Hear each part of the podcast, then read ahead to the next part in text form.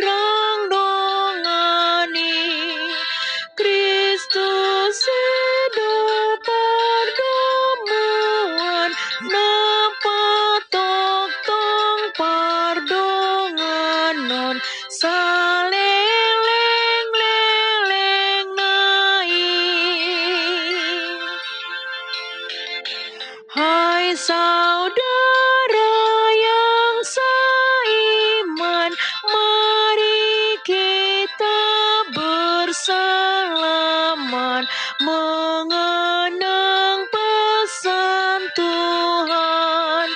Inilah tanda muridku, laksanakanlah perintahku, saling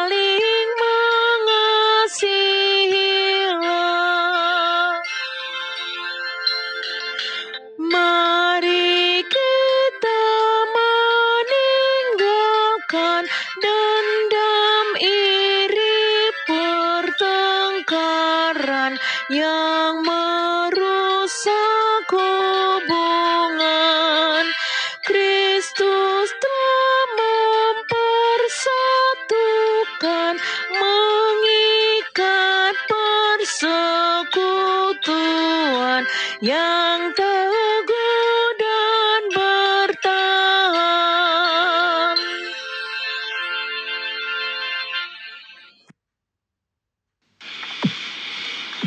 Mari kita berdoa. Tuhan, puji-pujian dan ucapan syukur kami naikkan kepadamu di pagi hari ini. Atas kasih setiamu, atas berkat-berkat dan penyertaanmu kepada kami. Di pagi hari ini kami hendak mendengarkan dan merenungkan firman-Mu. Ungkapkan kepada kami kebenaran firman-Mu dan tolong kami Tuhan melakukan firman-Mu dalam kehidupan kami. Di dalam nama Tuhan Yesus kami berdoa. Amin. Saudara-saudara yang dikasihi Tuhan Yesus, firman Tuhan untuk kita renungkan di pagi hari ini terambil dari Ibrani 12 ayat 14 dengan tema mengejar kekudusan demikian firman Tuhan. Berusahalah hidup damai dengan semua orang dan kejarlah kekudusan sebab tanpa kekudusan tidak seorang pun akan melihat Tuhan. Saudara-saudara yang dikasihi Tuhan Yesus, Ayat ini mengajak kita untuk hidup dalam damai dengan semua orang, berusaha menjaga hubungan yang baik, harmonis, dan penuh kasih, sikap hormat dan pengampunan dengan sesama, menghindari pertikaian, permusuhan, dan konflik yang tidak perlu. Untuk mengusahakan hidup damai dengan orang lain, kita harus memiliki kasih. Tuhan mengajarkan agar kita saling mengasihi dan memperlakukan orang lain dengan kasih. Dengan mengasihi orang lain, kita dapat menciptakan lingkungan yang penuh damai. Saudara-saudara yang dikasihi Tuhan Yesus, selain itu ayat ini juga mengajarkan kita untuk menguduskan diri. Kita perlu hidup dengan kesucian dan kekudusan dalam hidup kita sehari-hari.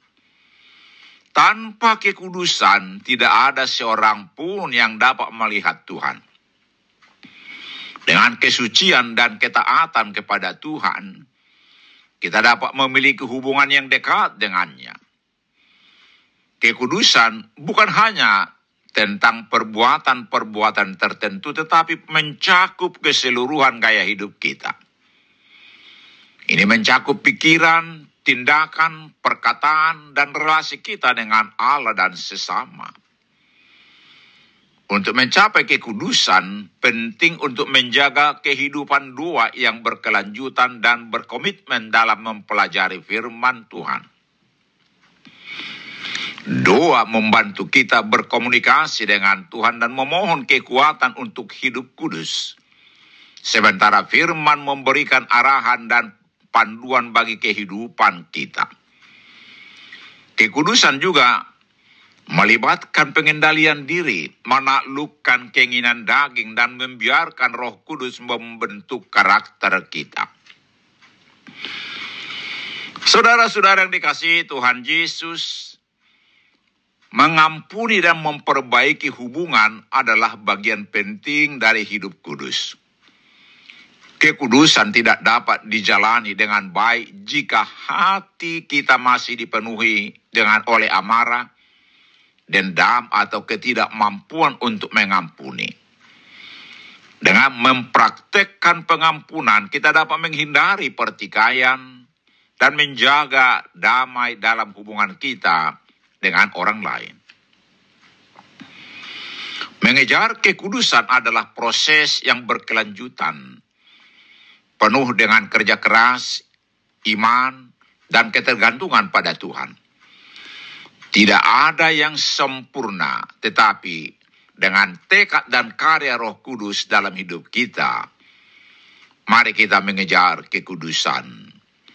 Amin. Mari kita berdoa. Terima kasih Tuhan atas pengajaranmu agar kami terus berusaha hidup damai dengan semua orang. Kami juga harus mengejar kekudusan agar kami dapat melihat Tuhan. Amin. Selamat beraktivitas hari ini. Tuhan Yesus memberkati kita.